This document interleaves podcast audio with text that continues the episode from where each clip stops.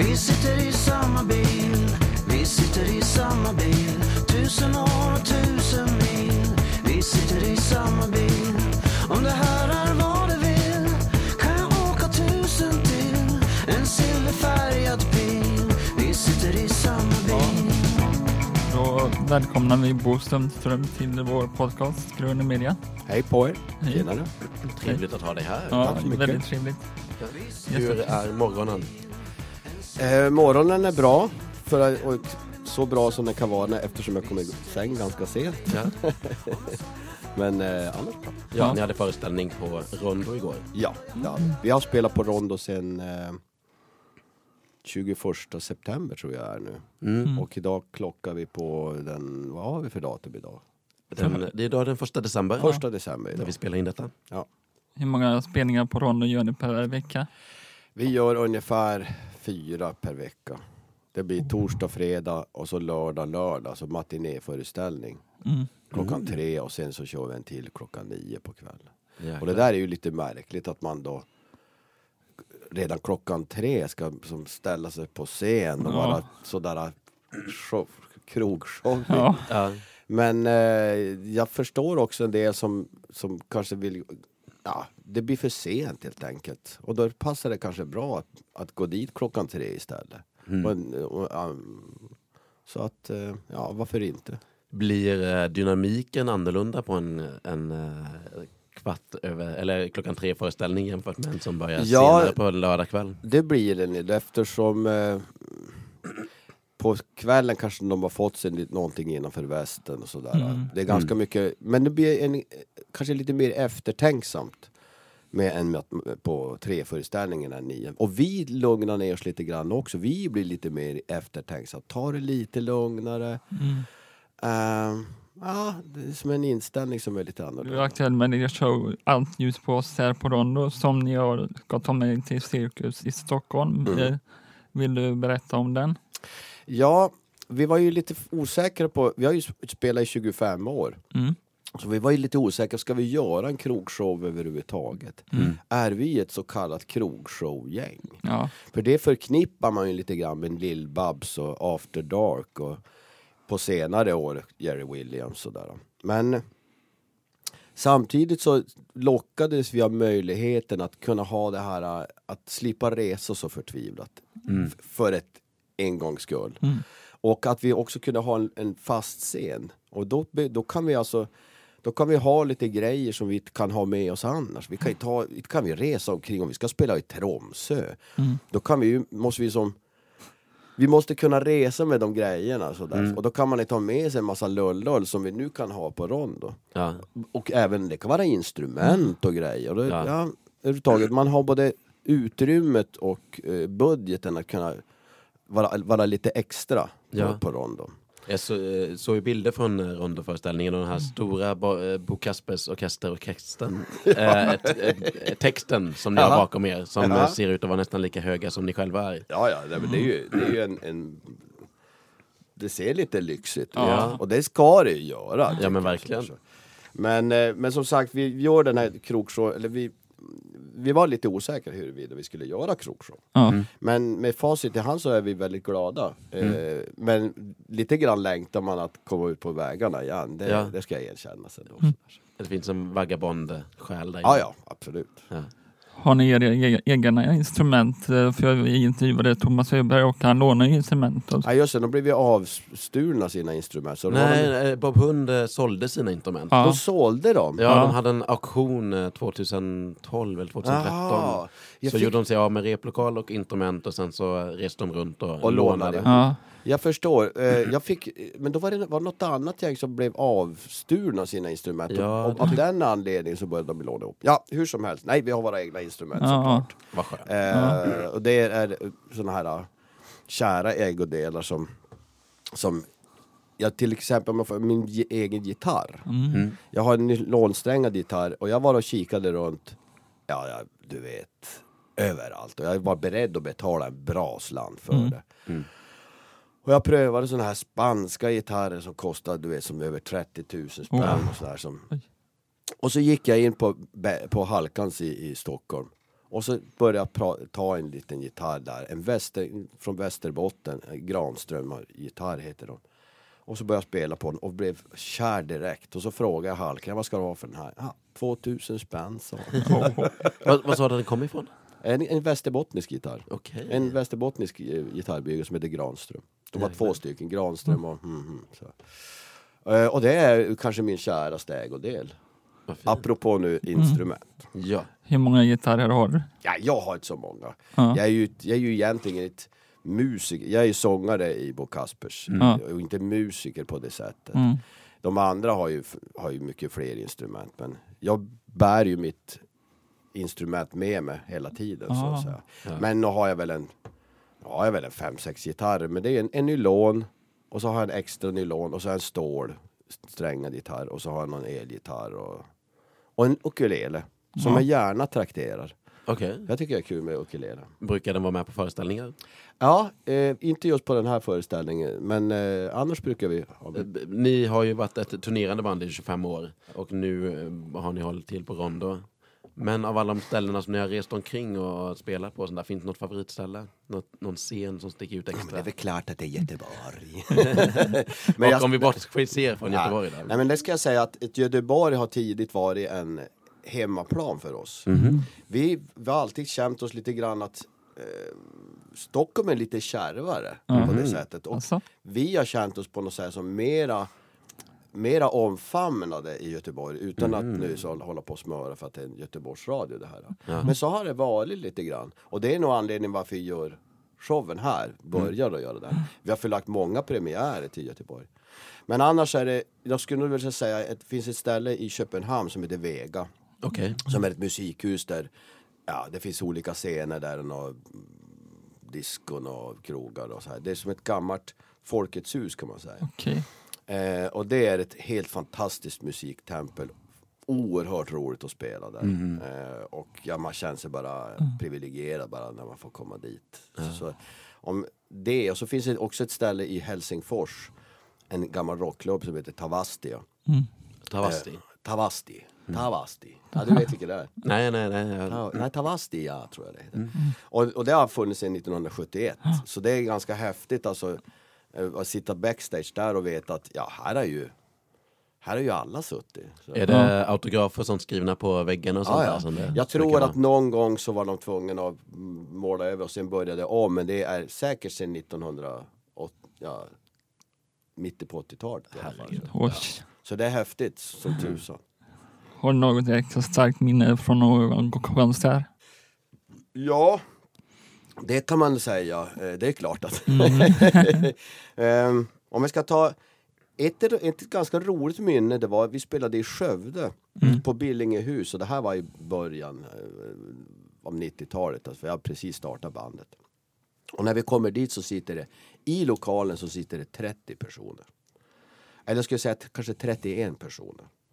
Och när vi började spela, vi tänkte vad fasen är det här? Så när vi började spela, då, då går de här 30, 30 personer går. Därför de hade någon slags födelsedagsfest och då tyckte jag att det varit för larmigt. Ja. Och en sitter kvar. Och de, jag menar, det måste ju ha blivit något fel eller någonting. Men det visade sig att det var någon invigning inne i Skövde på något sätt. Och ja, ja, det var aldrig nej, det kom inget. Så vi, vi spelade för en människa. Och ehm, vi tänkte, hur ska vi göra? Ja, men det är väl klart vi kör. Vi kör full show. Alltså. Vi, Ja. Det var som, ja, du är här och du ska få showen. Så här. Ja. Och den, jag tror inte ens människan var ifrån från Skövde utan han hade åkt från Norrköping. Och, oj, Något sånt där. Så, ja, det var en märklig spelning. Men sen har vi haft då var det verkligen inte att det var en tråkig spelning utan det var bara, ja men så där blir det ibland. ja. Ja. Eller så kommer vi att spela på Skeppsholmen i Stockholm på Vattenfestivalen det är 20 000 pers och man bara som, "Åh, vad händer? Ja. Det, är fan, alltså, det är ju läckert som tusan men det, så där kan det vara lite grann. Vi Ja. spelade på Svalbard i februari. Eh, alltså du vet, när, så nära pols, eller vad heter det? Nordpolen igår. Ja. Eh, och då spelade vi och då var det väl en fem, men ändå så mycket, mycket folk och norska drottningen var där. Och det, var så, ja, men det var en sån här jazzfestival i Svalbard. Men ganska häftigt har vi ändå fått tillfället att åka dit. Och, Ja. Så vi åkte på lite skotersafari med, och då var det så här värdar med gevär med sig ifall det kommer isbjörnar. så det, ja, Ja. det man har varit på. Men vi spelar ju i Skandinavien. Ja. Eh, vi har ju, vi är ju inget, eftersom vi sjunger på svenska så kan vi, även om vi har spelat i Paris och lite sådana grejer, men Ja. språket gör ju att vi blir kvar i Skandinavien. Sjunger, ni, sjunger på franska eller på Nej, då engelska? sjöng vi på, på svenska och engelska, så det finns faktiskt en skiva ute med några låtar på engelska. Mm. Som låter för jävligt. Jag, jag, jag låter inget bra på engelska, så Nej. enkelt är det. det. Jag vet inte om jag låter bra på svenska heller, men, Jo, men det gör det. men det låt, lät inte bra på engelska.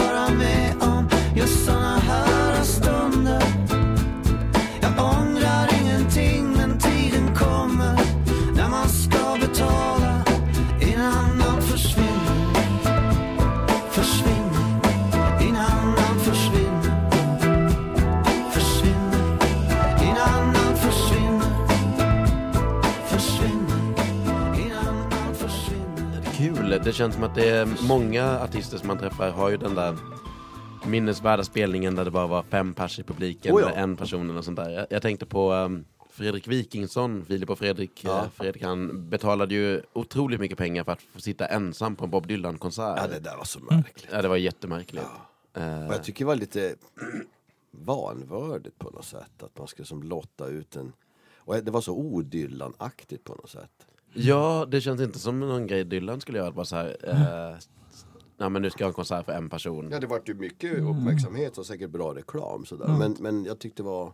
Det kändes konstigt på något Ja. sätt. Och så gick han väl ut, körde fem låtar, sa inte någonting och gick av. Ja, det kan vara så. Det var ju samma med Ville i Vita bergen. När han var här så var det bara åtta personer på scen. Ja. Så gick de upp på scen och så hade hade de som en tröja på sig. Ja, ja. Ja, eh, eller det var ju åtta personer i publiken Ja. Mm. där och alla jobbade på stället för Ja, de, de, de hade... Ja, ja. Men, men det var också en bra spelning. ja. Mm. Tror jag säkert. Gud min röst. Ofta är det ju sådär att när man spelar, man, några av de roligaste sp- speltillfällen som man gjort, det är ofta ett genrep inför någonting. Okej. Så man träffas och sådär, ah, men ni ska, ni, de ska vara med och köra och det och det och så är det någon gäst, du vet sådär. Och så träffas man i en replokal innan och så ska man gigga på kvällen.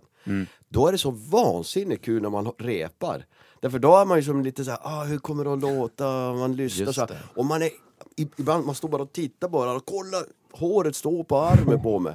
Sen när man då kommer ut på scen och ska göra det på kvällen då har det är som andra faktorer, jag hoppas det fungerar, och då är man lite nervös. Man kan inte ta in det på samma sätt. Men det är ju precis lika roligt. Ja. Alltså det är ju, det är ju en sån här... Jag hade kunnat nöja mig med det här repet Mm. och sen lagt det som så här, ja, det här ska jag alltid, det här ska jag komma ihåg. Ja. Eller vad gör du innan du ska upp på scen? Har du någon speciell ritual? Ja, i och med att jag är sångare så måste jag ju se till att rösten är igång. Så att det blir, jag plågar min omgivning lite grann med mina... Så här. Ja. Man, ska, man ska alltså mjuka upp rösten. Och, och, och har man, är man lite rasslig så här i rösten så är just sådana här lite R-övningar Ja, bra. okej. Mjuka bara så här. Det är ett bra sätt att mjuka upp det. Sen kommer rösten man kan vakna på morgonen och så- man tänker hur i hela friden ska jag klara av att sjunga ikväll? Mm. Det gäller ju att tänka på dagen innan också så att man inte slarvar för mycket ute. Men, men det är, så det är nog det man jobbar med mest in, inför en spelning. Sådär. Men vi har, för vi har inte med Bo Kaspers några speciella ramser eller Nej. något sånt där. Nej. Utan det, nej, men, ja nu kör vi, Ja. kom igen, du vet sådär. Ja. Men var och en har väl, måste på något sätt som förbereda sig på något sätt. Så. Eh, om du inte hade varit musiker, vad skulle det vara då? Ja, kanske det du är just nu. Ja. Jag kanske hade varit någon typ av, av journali eh, journalist, jobba inom, inom radio eller kanske sk Ja. skrivit. Jag gillar ju det ord Ja. på det sättet. Eh, så jag kanske nog hade jobbat med det på något sätt. Uh, jag är ganska övertygad om faktiskt. Mm. Men eh, det var mina föräldrar, båda föräldrar var ju väldigt musikintresserade. Mm. Eh, De var, jobbade som gymnasielärare men var väldigt musikintresserade. Och det var som så tidigt då, som uppmuntran kom att ja, men det här, det var inte så här att, ja, men att, att jobba med musik det är en hobby. Utan för dem var det, ja men det är ett jätte, det finaste yrke man kan ha. Det att just det. att vara musiker sådär. Så jag var väldigt uppmuntrad som barn, eller när man bara började spela, att det här är på riktigt. Ja. Det är ingen bara en hobby. Och det var ingen som sa någonting om att ja men du ska väl skaffa dig ett riktigt jobb eller så. Nej, nej, Nej. kör. Ja, du gick väl direkt från diskplockare till pianist? Det kan man säga. Ja. Ja. jag, jag, gick en, jag gick på musikhögskolan ett tag. Okej. Nej, och då skulle jag bli då, alltså någon typ av lär, musiklärare och, Mm. eh, och, gärna, och också svenska lärare tänkte jag. Ja. Jag, jag tänkte det kan bli, vara kul att ha båda, båda grejerna. Sådär. Ja. Men så tog studielånen nu slut och ja. Och så började vi, och så jobbade jag, hade jag lite sådär något mackjobb. Som man brukar säga, man, man jobbar med någonting för att försörja sig medan Ja. man håller Mm. på med det man vill göra. Så. Men ehm, nej, det var det. Men det är sant att jag jobbar som diskplockare. ja. Du pratar om din eh, kärlek till orden och sånt där. Du är ju en väldigt älskad eh, textförfattare. Ja, Ehm, ja. Har du själv någon eh, favorittext bland eh, de som du har skrivit? Eller någon som ehm, känns extra mycket för dig? Ja, alltså. Det är klart, ja, när man skriver en låt, ju, förhoppningsvis så ska jag vara nöjd med texten, annars ska jag sjunga in den överhuvudtaget. Det kommer en del andra människor och frågar, ja men har du någon text över? Nej, därför att om jag inte är nöjd med texten då åker den i papperskorgen. Ja. Och då vill jag inte att någon annan ska då, Nej. för då har jag ju inte varit nöjd med det. Sådär. Sen är det ju klart att jag skriver skräptexter, men det är ju grejer man upptäcker i efterhand. Att man Jo men precis. Nej men det här var inget bra. Nej. Framförallt så var det inte så bra med musiken. Men vi har på senaste plattan en, en, eh, en eh, om du ger mig gitarren ska vi Ja. ta, får du höra den. Det, rå, det råkade faktiskt vara en gitarr i lokalen. Ja. Ja. Så vi, den Jag ska här, se, vi kanske gör någon sån här. ja, jag, jag, tror, Ja. jag tror det bara funkar så här.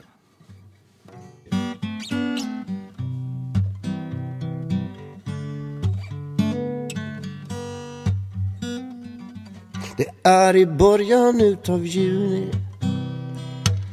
Den dag min far skulle fyllt år.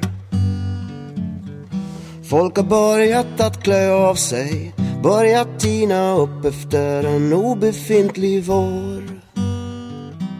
Sitter med en av mina vänner Och några glas på hans balkong och säger skål till dem vi älskar som inte längre finns och för att sommaren är på gång. Jag kortar ner här lite grann.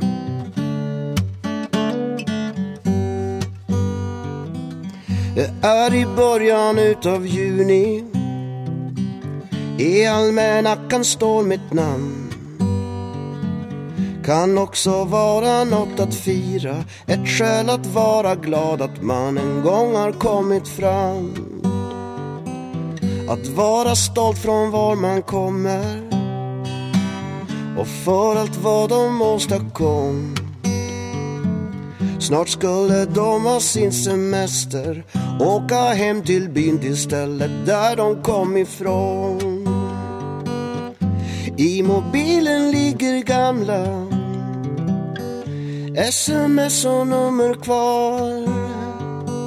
Jag önskar att jag kunde ringa och säga någonting till min far. Det är i början utav juni. På barnens skolgård övas sång Flaggorna ska dammas av, imorgon är det deras dag. Och alla verkar vara överens att vintern den var alldeles för lång. Men sommaren verkar vara på gång. Du, du, du, du, du. Du, du, du, du,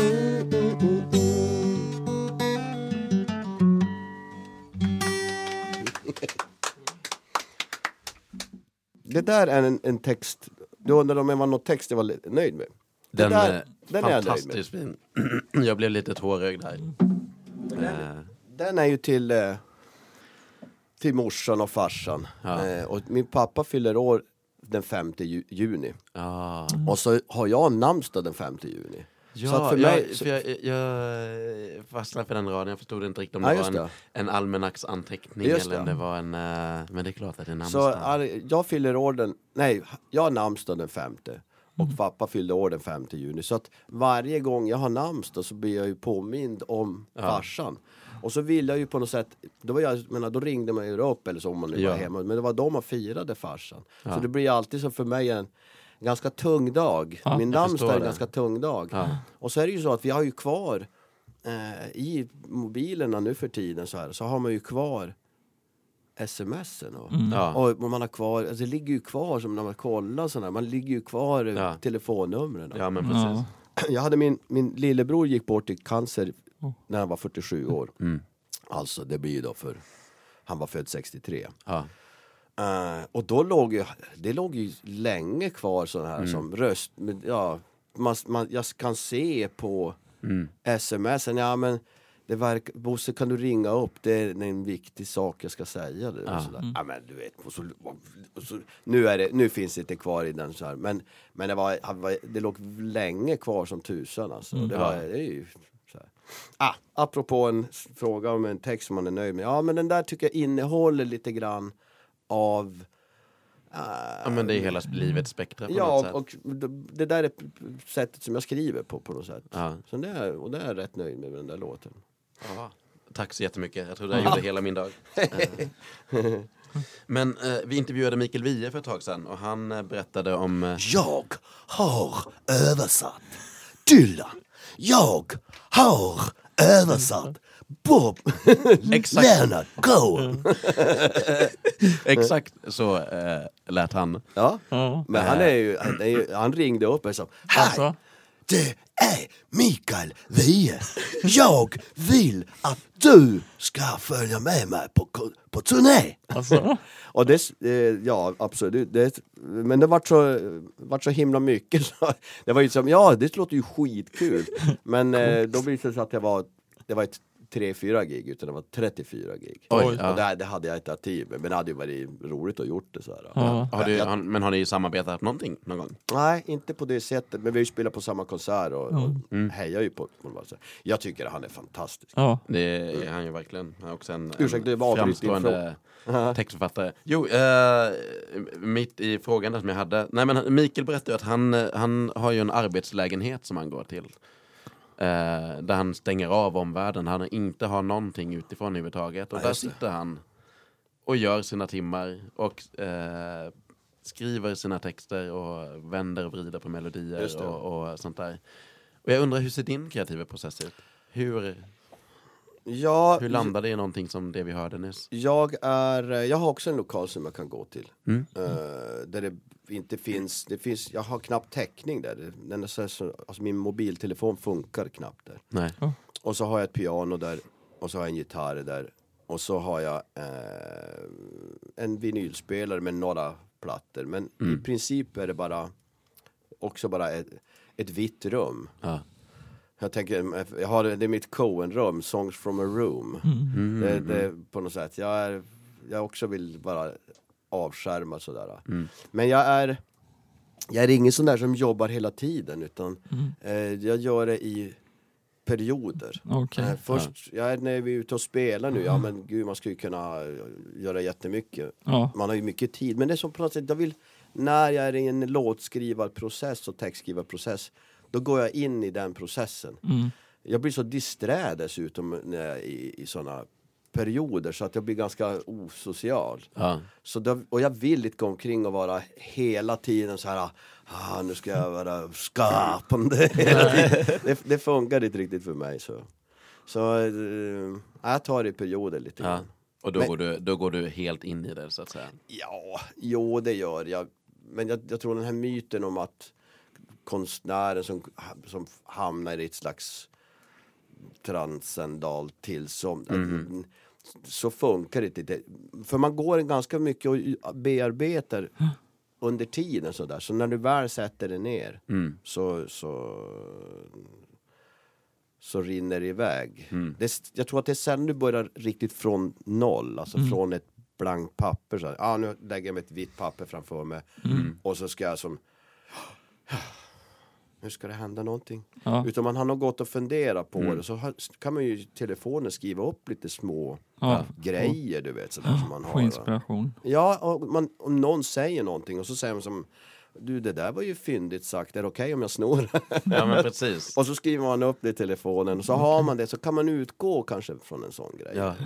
Och från mitt egna skrivande så- så känner jag så här, många saker måste ju mogna på det sättet. Ja. Man, de, de måste ligga i den där listan på fraser och Absolut. meningar som man har snott från eh, vänner och Absolut. folk som är smartare än en själv. Jo, ja. Vad är det finaste du har hört av dina fans?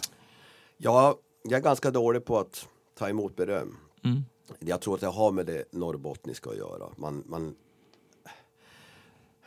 man hör mera kritik. man, är, man, är, man är bättre på att lyssna och ta till sig kritiken än man är bättre att ta till sig du vet, sådär, ah, fan det här var så jävla bra du vet, sådär. Ja. Men eh, de, det, ibland så säger verkligen folk att du, det här har hjälpt mig i livet. Alltså på något sätt.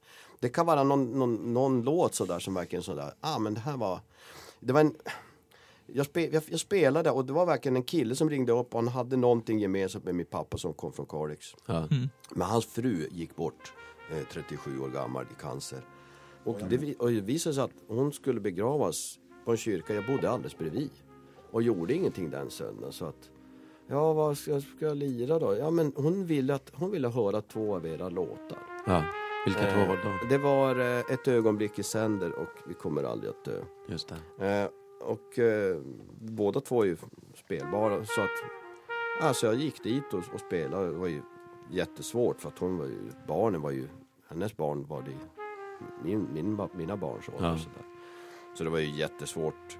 Men det var på något sätt som en, väldigt fint att tänka sig att ja men hon ville ha, hon ville höra det på sin begravning.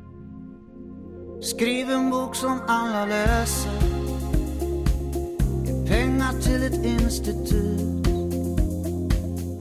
Gör en sång som barnen sjunger. När terminen tagit slut. Sy upp en kollektion med kläder. Ge ditt namn åt ett gevär. Var det extra i parfymen? Den som vackra kvinnor bär.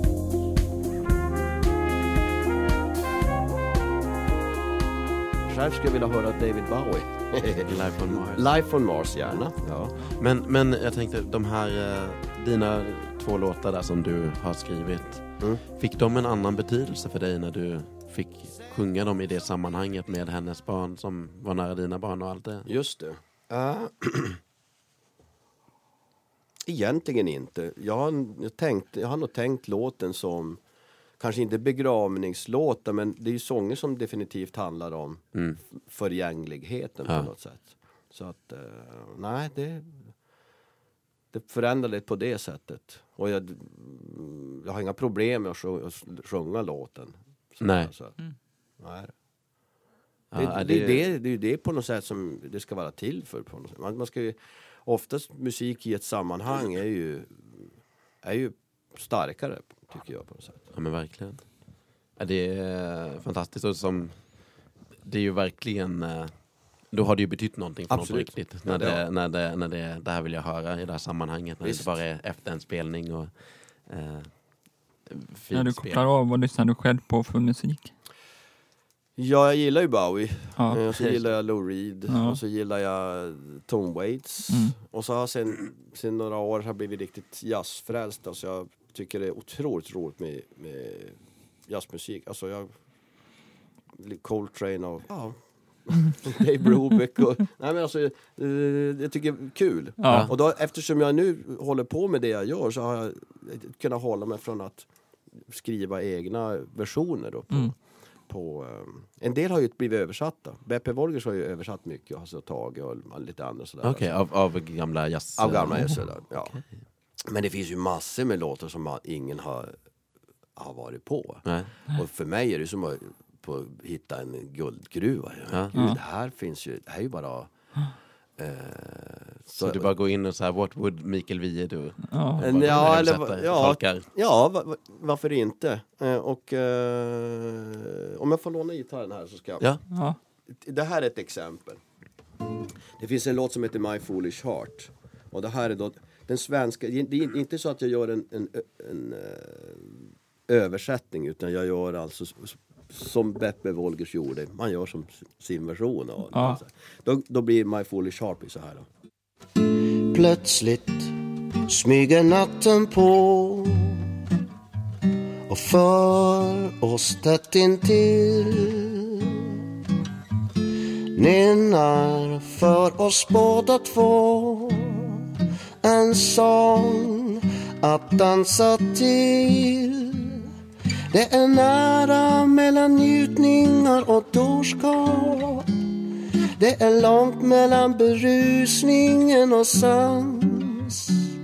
Det vi lärt oss lyfter som ett löv med vinden och lägger sig någon annanstans. Plötsligt smyger natten på och för oss mot varann. Läppar säger ingenting, bara darrar just lite grann. Jag har varit en idiot när jag var yngre. Så jag borde vara klokare idag än nu när jag kysser dig mitt dumma jag.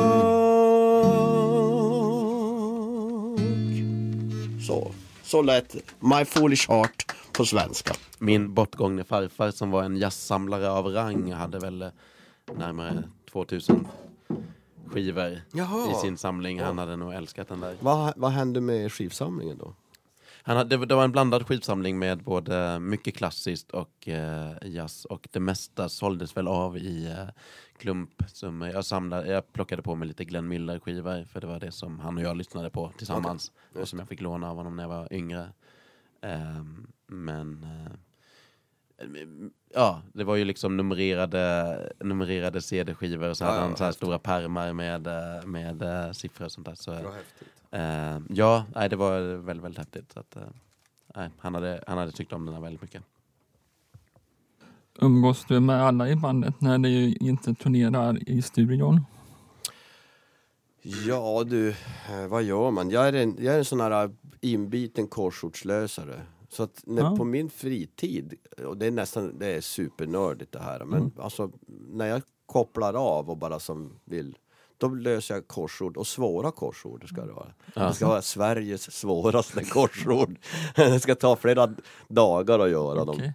Eh, och det tror jag, dels är det lite grann att jag, det, jag, jag behöver distraheras annat än att jag som letar i mitt minne och, och associationer på något sätt. Och jag tror dessutom är det ganska bra för mitt textskrivande. Att Jag något tänkte sätt- det också. man, man, man övar upp bollkänslan, ordkänslan lite grann. sådär. Så det är en grej som jag har, eh, ja, som jag gör med stort nöje. Och sen har jag på senare tid, jag, jag har varit gift i, i, länge och så har jag skilt mig nu. Ja. Och så vart det ju, som det blir ofta för män i min ålder. så, alltså, när vi då, alltså, man tycker man jävligt mycket synd om sig själv och så kanske man är ute och dricker lite för mycket och bara ja, slarvar sådär. Men så, så träffar jag en, en kvinna som jag, som jag hade tidigare haft eh, eh vi träffades på 80-talet någon gång sådär. Men så, hon är också sådär, hon har vuxna barn och så här, och så sökte hon upp och sådär, och hon är ju hon är ju ur, jättegullig är hon. Ja. Men hon är också rätt sportig. Okej. Och det var helt nytt för mig. Så vi, och, och, tack vare henne så, så springer jag jättemycket nu. Jag, Oj. jag har aldrig varit i så bra fysisk form som jag är nu. Alltså jag, jag springer en mil. Är Eh, och, och tycker det är enormt kul. Jag hatar att motionera och springa och sådär. Men nu tycker jag jättekul. Inte bara för henne utan hon har hjälpt mig lite grann att Ja. inse att det här, är, det här är faktiskt skitkul att göra. För man, Ja. blir, man är alldeles berusad efteråt. Så, här. Ja. Så, så det är korsord och motionera. Men- Eh, Ja. Hur tändes liksom den löparglädjen till? det? Jag, jag, jag fattar att hon var väldigt mycket inblandad Ja, i det ja. ni kanske var ute och sprang Hon var väldigt pedagogisk också. Vi, Ja. det, ja, för att hon började säga, ja, men okej Bosse, nu, nu går vi 100 steg först, sen springer vi 100 steg, och så går vi 100 steg och springer 100 steg. Ja. Det var första gången vi var ut sådär. Ja men det var ju ingenting sådär. Ja, så nästa gång var så, ja men nu springer vi 200 steg, och Mm. så går vi 100 steg. Och så bara ganska snabbt så sa ja men nu du, du, det här klarar du sådär. Och så sprang vi jättelångt sådär. Ja. Eh, Men ingen sån här stress eller något sådär. Och så sen byggde hon på så småningom sådär att, att ja, men nu, nu, nu kan vi löpa. Nu, nu, får hon, nu vill hon svårt att hänga med mig. Nej, ja, oj. Inte i längden såklart, hon, om man rycker på lite grann. Sådär, Ja. så. men, eh, men det är häftigt det där. Så det kan jag verkligen rekommendera folk att om ni vill komma igång, gå 100 steg, spring 100 steg, gå 100 steg. Och så sen bara öka på det lite Ja. eftersom. För man har ju muskler heller riktigt som är tränade så att man får som, ja, träna, vara lite försiktig Ja. så man inte som gör illa sig. ja, men eh, man har ju någon drömbild om att bli en sån där löparperson. Ja, Det ja. verkar ju vara fint. Du har Ja, jag, tips jag, där. jag märkte på nu, på, jag var på Friskis och Svettis där jag går, som, som hade någon sån här stak, någon ny grej, som, du, som två handtag som man drar ner, som någon snören Mm. så här. Som jag kallar kalla, kalla maskinen, Charlotte kalla maskinen. Ja, det är som att du, Jaha. sta, som du stakar eh, i skidor sådär. Jaha. Oerhört jobbigt men det är ganska roligt att göra för man tänker sig, okej nu är det upploppet Ja. i Holmenkollen här. Ja. ja men det är ju det man behöver, man måste få in det lekfulla i det när Ja. man, när man så glömmer bort att nu, nu är jag Ja. i den här maskinen och bara tränar mina muskler. Men, eh, så, men, eh, och de andra vet jag inte riktigt vad de har för hobbys. Eh, Jag och våran trummis Fredrik Dahl, vi brukar spela golf ibland. Mm. Då och då sådär. Alltså, vi har det så vi kan spela golf sådär. Så, så det brukar vi göra ibland. Det är väl, men annars har vi har så mycket gemensamt i bandet annat än musiken eftersom vi träffas så mycket i alla fall. Ja. Så. Är det det som har gjort att ni har kunnat hålla ihop så länge tror du? Kan vara absolut det. Ja. Vi är inga sådana här som, ja vi känner varandra sedan vi var 15 år och vi var, då var vi bästa vänner och sådär. Utan vi har träffats i, jag var 30 år när vi startade bandet så att Så, så man med. hade, ju som, man hade ju som ett liv. Och Ja. sådär, som, lite bara, bara och en vänskapskrets och sådär. Ja. Mm. Okej, 30 år, men då kanske det finns hopp för en annan också. Ja, ja. det är klart. Till våren så ska du flytta allt ljus på oss till Stockholm. Mm. Och hur ser planerna ut eh, då? Ja, egentligen är det att försöka översätta den här showen som vi har på Rondo nu till den lokalen som är i Stockholm. Ja. Vi kommer ju inte att... Man, det är några grejer som jag skulle vilja göra om med showen. Eh, som är lite svårt att göra nu. Inte för att jag tycker att, det- att det är speciellt dåligt, det är bara det att man känner att jag skulle vilja förändra några grejer bara för att så man känner att man har gjort någonting. Sådär. Vi har ju låtar att värld. Eh, Men, några extra- eh, Men lokalen är ju, det är ju lite grann samma sak. Så lokalen är ju ungefär detsamma. Och, men jag tänker på den föreställningen ni gör på Rondo just nu. Eh, har ni utrymme att eh, variera saker från eh, kväll till kväll? Den är ganska tyvärr, hårt skriven. så, tyvärr så är det lite svårt därför att vi har en gång sa men vi kör den här låten istället. Och då kom våran ljuskille Johan Friberg var helt galen. Där. Ja. Så där kan ni inte göra. Jag har ju programmerat ljus så att det ska komma där och Ja. där och det. Du vet sådär. Har varit, varit sådär lite grann att ni måste respektera mitt yrke också. Ja. Mm. Jag- för jag vill inte se ut som en klant. Nej, nej, men Eh, precis. För att nu har lust att köra en annan låt. Jag vill ha reda på det tre timmar innan i så fall. Ja. Ja, Så, så tyvärr så är det, det går som ett bara, ah, men nu kör vi den låten istället. Det finns ett en parti i, i showen där vi kan. Ja. Och där brukar vi, där kan, vi- kan vi variera oss lite grann. Mm. Och sen är det ju lite grann att, ja men blir det, kör, det, kör vi gitarrsolo där, kör vi saxsolo eller kör vi trumpet. Det, det kan variera också. Här.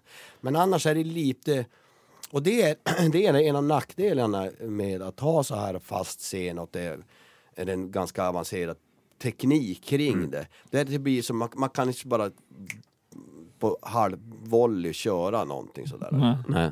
Men eh, ja, man får ta det. Brukar du repetera innan? innan? Nej, alltså, ja, alltså vi repeterade innan showen, då, då körde vi. Men eh, inte nu så att vi repeterar på...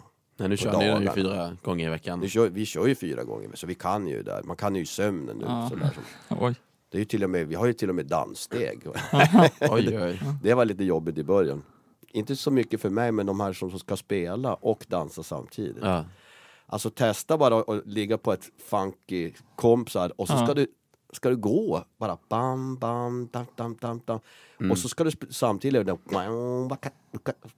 du vet så här. Eh, De sa det var jättesvårt och nästan svårast att bara gå en, två, tre, fyra rakt framåt Ja. så där. Det var men jag måste tänka helt om nu. Så, så det tog ju lite tag för dem. Hur är ni annars när ni, eh, på de här vanliga turnéerna, om, man, om det nu finns en vanlig turné, skriver ni setlistan någon halvtimme innan ni ska på scen? nej, eller vi, har, mycket? vi har ungefär en setlista. Men man, man, kan, man märker efter turnéns gång, det kan ta ett, ett två, tre gig och så märker man att men det här kan vi göra bättre. Ja.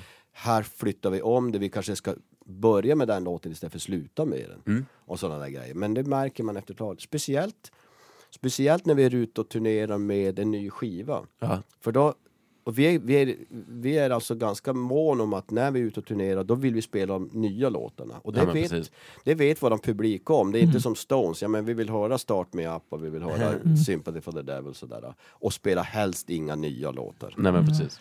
Men med oss tror jag att våran publik vet om att ja men Går man och ser oss vi har en ny platta, då spelar vi i princip hela nya plattan. Ja. Eh, För att vi är så sugna att göra det. Sen, så det blir som en tredjedel av showen så att säga. Eller att konserten, halva konserten, det är nytt material.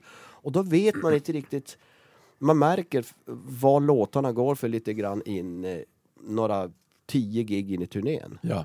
Och då märker man, ja men det där, det, det, man, det är till och med så här, ja men det här var ingen bra låt. det, här är, det här är en skitdålig låt. Ja. Och så, eh, man märkte att det funkar definitivt inte att sjunga, sjunga den live. Så, Nej nej nej. så att, ehm, och det har ju varit nästan pinsamt ibland. Eh, men på det sättet, och då, då stökar man om ganska mycket. Det blir lite koppling till eh, Bob Hund igen. De hade ju någon eh, omröstning, de bad fansen rösta fram vilken är Bob Hunds absolut sämsta låt. Okej, Eh, ja det som- vet jag absolut vilken det var, våran är. Men jag tänker inte säga den. Nähä. Nej, därför att det kan mycket vara att det är någon som tycker att ja, men det här, den är, låten är ju skitbra. Ja, det, det finns ju Och då är det faktiskt rätt taskigt att säga ja, men jag tycker den här är skitdålig. Ja. Så att, men jag vet ju vilken jag tycker är otroligt kass låt och vi, vi spelar den aldrig. Okej. Så det kan ju vara en, ett liten vink. En, en liten hint där. Ja. Okej, vi har något som heter Fem snabba till Bo Sundström. Ja, Fem snabba. Rondo eller cirkus? Rondo. Innan allt försvinner eller i samma bil. Innan allt försvinner. Lou Reed eller Tom Waits. Tom Waits. Eh, Sång eller gitarr? Sång. Piteå eller Stockholm. Lite. Jag älskar Stockholm ska jag bara säga. Men, Ja. men jag får stryk om jag säger något annat upp när jag kommer hem. Eh, Följdfråga går nästa till eh, Rakel Molin. Och om du fick ställa en fråga till henne, vad skulle det vara i så fall? Ja, det frågar jag. Hej Rakel, Eh, du som är skådespelerska. eh, Jag, jag har haft så ot- otroligt svårt att förstå hur man kan memorera in en pjäs. Mm. Alltså för mig är det ett... Hur går det till?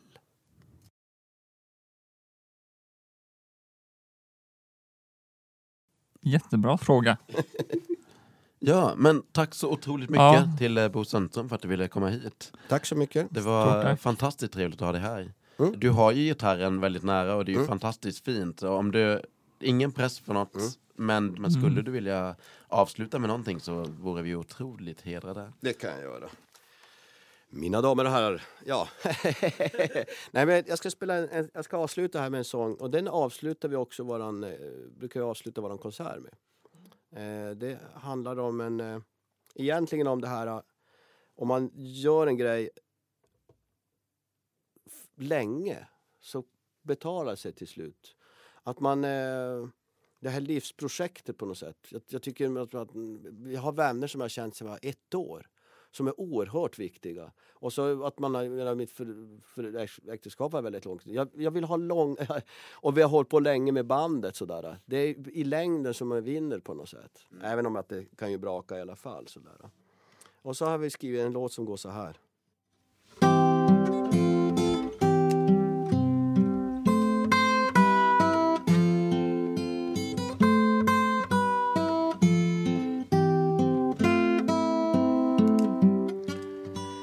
Tack för att just du finns.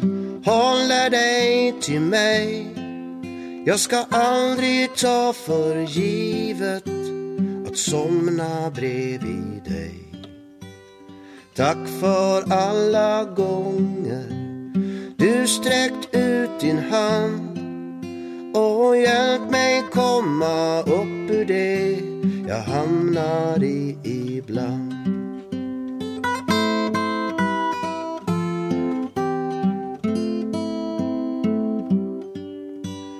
Tack för alla dagar som vi kommer få tillsammans med varandra.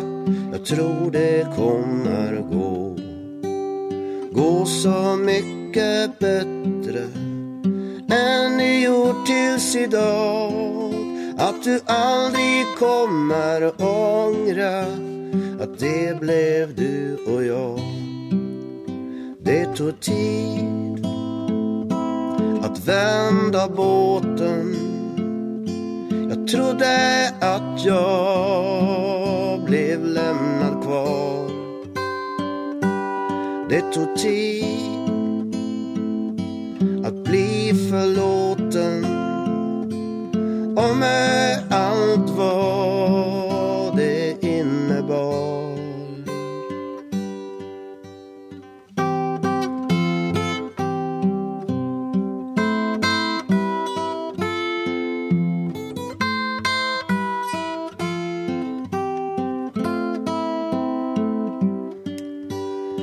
Tack för att just du finns. Håller dig till mig. Jag ska aldrig ta för givet Att somna bredvid dig.